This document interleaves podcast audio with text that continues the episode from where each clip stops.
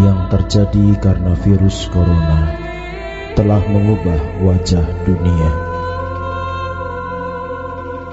Jutaan orang terinfeksi, bahkan tidak sedikit nyawa melayang.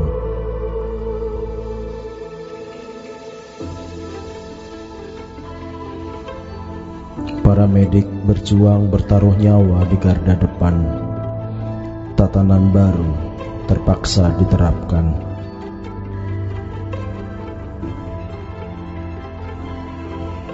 Kota mendadak sepi, penerbangan dibatalkan, perekonomian terjun bebas, jutaan orang kehilangan pekerjaannya.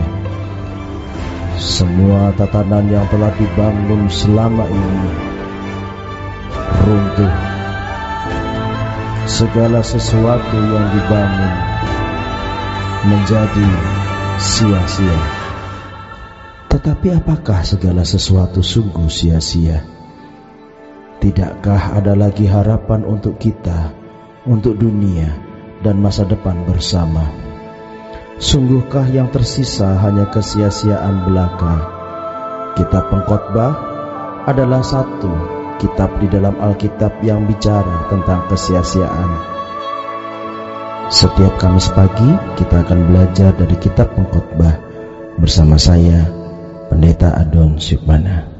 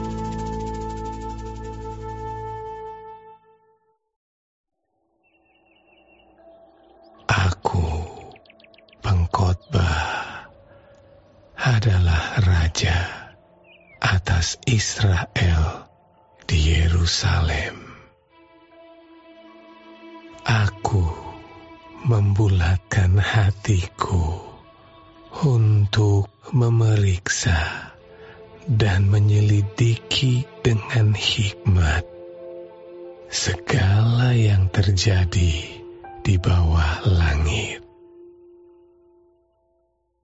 Itu pekerjaan yang menyusahkan yang diberikan Allah kepada anak-anak manusia untuk melelahkan diri. Aku telah melihat segala perbuatan yang dilakukan orang di bawah matahari. Tetapi lihatlah, segala sesuatu adalah kesia-siaan dan usaha menjaring angin.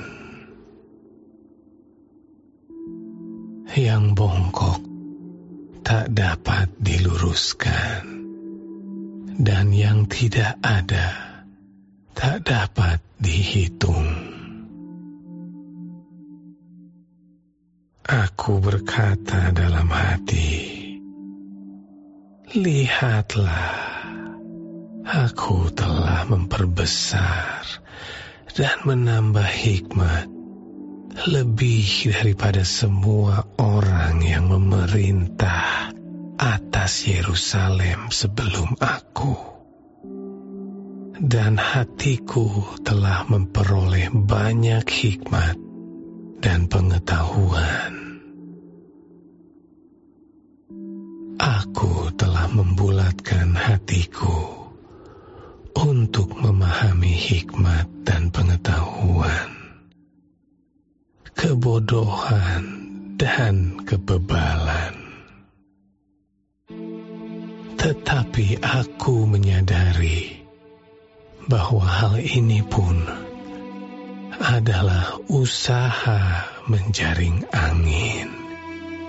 Karena di dalam banyak hikmat ada banyak susah hati. Dan siapa memperbanyak pengetahuan, memperbanyak kesedihan.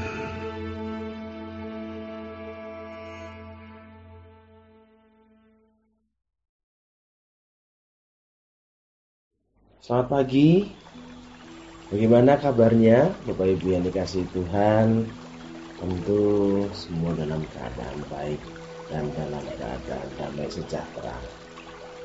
Nah, saat ini mari kita bersama-sama memulai doa pagi kita dengan berdoa. Mari kita Bapa yang bertahta di dalam kerajaan sorga, kami bersyukur kalau pagi ini kami boleh dibangunkan dalam keadaan. Dan pada saat ini kami mau mendengar dan merenungkan sabda Tolong kami Tuhan, supaya kami bisa mengerti dan melakukan sabda Tuhan. Dan tolong hambamu ini yang penuh dengan segala kekurangan dan cacat celahnya. Kami, kami serahkan, kami pasrahkan pemberitaan firman Tuhan pada pagi ini.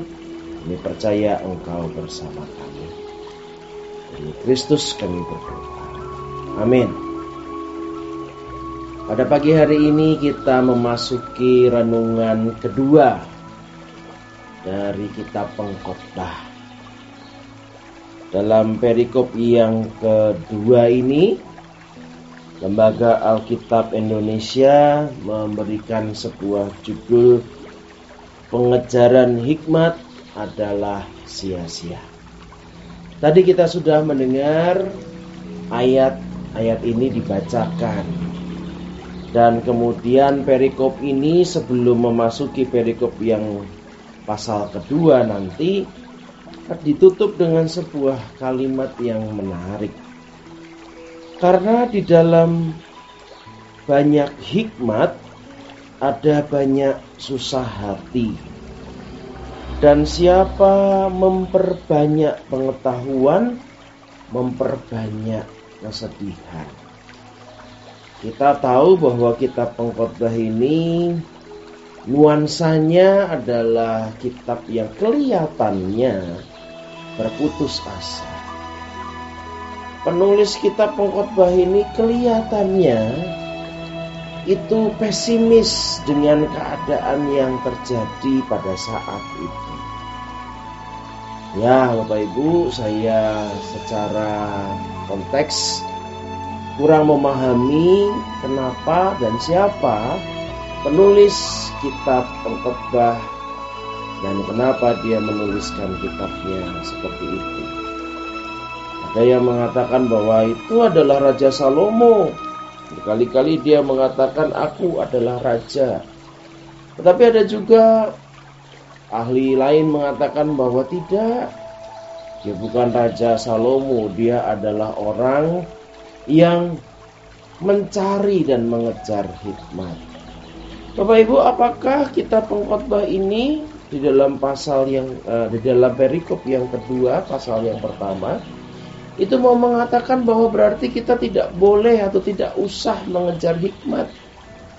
Apalagi kita tidak usah mengejar yang namanya pengetahuan, sekolah berhenti saja. Buat apa sekolah?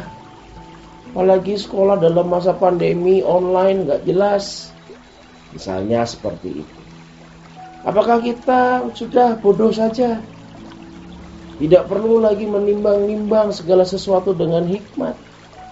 Bukan seperti itu. Kenapa bukan? Karena pada bagian lain nanti kita akan melihat bahwa ternyata pengkhotbah mengatakan masih beruntung orang yang punya hikmat. Nah, lalu kenapa di pasal yang kedua ini seolah-olah ia mengatakan bahwa orang yang mengejar hikmat adalah sia-sia.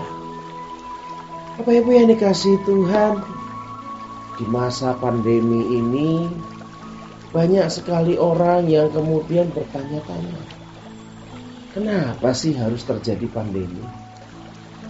Kenapa sih harus terjadi COVID-19? apakah COVID-19 ini datang dari Tuhan atau bukan? Ini tuh rekayasa genetika atau bukan? COVID-19 itu adalah konspirasi beberapa petinggi-petinggi dunia atau bahkan konspirasi beberapa orang atau bukan? Di WhatsApp atau di media sosial lainnya kita sering kali menerima berita-berita yang bisa dikatakan berita hoax yang mengatakan seperti itu. Wah ini konspirasi, wah ini sebetulnya adalah settingan dan lain sebagainya. Lalu kita terus mencari kenapa harus terjadi, Tuhan di mana, apa yang Tuhan lakukan, apakah Tuhan tertidur dalam masa seperti ini. Lalu ketika kita bertanya seperti itu, maka apa hasilnya? Apakah sudah mendapat jawaban? Apakah sudah ada yang dapat menjawab bahwa oh COVID-19 itu memang diizinkan oleh Tuhan karena Tuhan mempunyai rencana begini dan begitu dan begini dan begitu. Tidak ada. Tidak ada yang mampu dengan berani berkata bahwa ini pasti karena Tuhan punya rancangan dan rancangannya adalah begini. Tidak ada yang tahu rencana Tuhan bukan? Lalu Bapak Ibu yang dikasihi Tuhan, kita tidak bisa menjawab. Tetapi bukankah ada banyak pertanyaan-pertanyaan di dalam kekecewaan itu tidak bisa kita jawab. Kenapa sih sahabat saya mengkhianati saya? Apa sih alasannya? Saya kurang baik apa? Sehingga sahabat saya harus mengkhianati saya. Kenapa sih pasangan hidup saya harus berselingkuh? Saya kurang apa? Bagaimana saya mau memujanya, menservisnya baik padanya, tapi kenapa dia memilih orang lain misalnya? Atau kenapa sih anak saya atau Siapa yang kemudian sakit dan sakitnya tidak bisa disembuhkan? Ada banyak hal, banyak hal sekali. Dan pertanyaan-pertanyaan itu tidak pernah mendapatkan jawabnya. Lalu ketika kita tidak mendapatkan jawabnya, apa yang kita rasakan? Sedih. Dan bahkan tidak tidak sedikit dari kita yang kemudian meninggalkan Tuhan. Karena terlalu kecewa akan semua pertanyaan-pertanyaan yang tidak mendapatkan jawaban. Mengejar hikmat, mengejar jawaban dari pertanyaan-pertanyaan itu, ternyata adalah sia-sia. Karena memang ternyata Tuhan meminta kita untuk tidak mencari jawabnya, tetapi untuk menjalaninya. Lalu bagaimana kita harus berhadapan dengan pertanyaan-pertanyaan yang sampai saat ini kita tidak mendapat jawabnya. Pengkhotbah mengajak kita untuk berhenti. Berhenti mencari jawaban. Berhenti untuk mengejar hikmat yang tidak dapat kita dapatkan. Berhenti untuk terus bertanya dan mulailah berdamai dengan diri sendiri. Berdamai dengan keadaan berdamai dengan kita, bukan salah kita. Ya mungkin keadaan ini adalah salah kita, tetapi tidak sepenuhnya salah kita, bukan? Ketika sahabat kita berkhianat, mungkin itu ada kesalahan kita, tetapi tidak sepenuhnya salah kita, bukan? Ketika pasangan hidup meninggalkan kita dan berselingkuh dengan orang lain, Ya mungkin ada kesalahan kita tapi tidak sepenuhnya salah kita bukan? Covid-19 ini ya mungkin kita katakan ya itu salahnya sih ada orang geragas makan kelelawar dan segala macam dan apa. Tapi tidak sepenuhnya salah manusia. Ada dimensi-dimensi yang kita tidak tahu dan berhenti. Berhenti itu berarti mengakui keterbatasan. Berhenti itu berarti berdamai dengan diri sendiri dan keadaan yang ada. Dan mulai menjalani kenyataan itu artinya adalah kita pasrah namun kita percaya melangkah bersama. Sia-sia di atas segalanya. Ketika kita terus bertanya, mengandalkan pikiran kita, tidak puas dengan jawaban dalam hidup kita.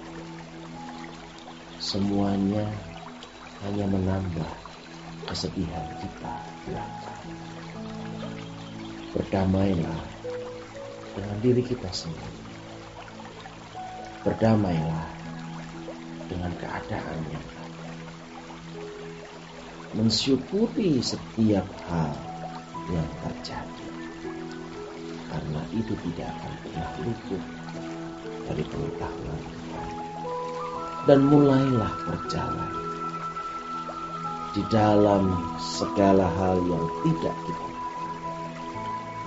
karena satu-satunya yang kita adalah Tuhan selalu menyertai. Amin. Bapa dalam surga, kami mengucap syukur pada pagi hari ini kami diingkatkan lagi oleh kitab pengkhotbah. Dalam kitab pengkhotbah ini kami diingatkan untuk tidak selalu terus mencari jawaban dari pertanyaan-pertanyaan kehidupan.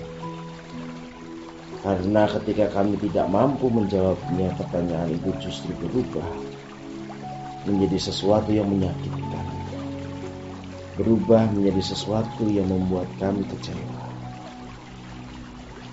Dan iblis dapat memakai kekecewaan dan kesakitan itu untuk mengajak kami meninggalkan Ampuni kami ya Tuhan.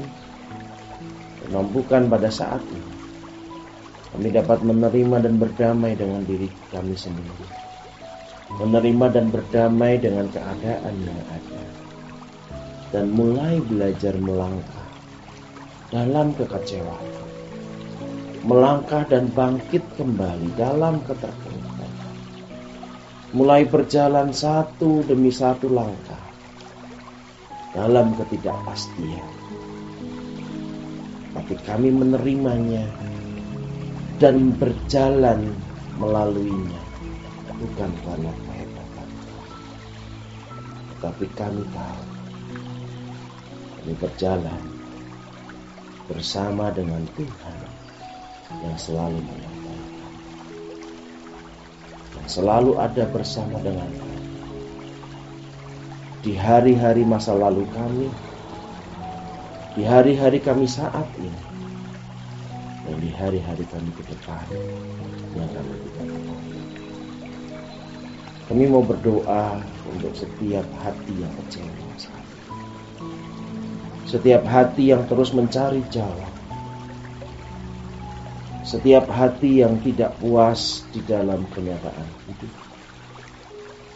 Tuhan, tolonglah berikanlah kami damai sejahtera. Mampukanlah kami berpasrah dalam kepasrahan itu ada kekuatan bersama. Bagi kami yang menanti kesembuhan, biarlah kami menantinya dengan kepasrahan bagi kami yang menanti keadilan. Biarlah Tuhan menghangatkan kami di dalam kepahitan hidup yang harus kami jalani. Masih banyak berkat Tuhan yang bisa kami syukur. Terima kasih. Inilah doa kami dan berikanlah kami damai sejahtera. Amin. Bapak Ibu yang dikasih Tuhan, demikian renungan kita pada pagi hari ini. Dan kita akan kembali lagi merenungi kitab pengkhotbah di minggu ke depan dalam waktu yang sama setiap hari Kamis bersama saya Pendeta Ben Suprana. Selamat pagi, selamat merayakan kehidupan, berdamai dengan diri sendiri dan keadaan percaya bahwa Tuhan selalu ada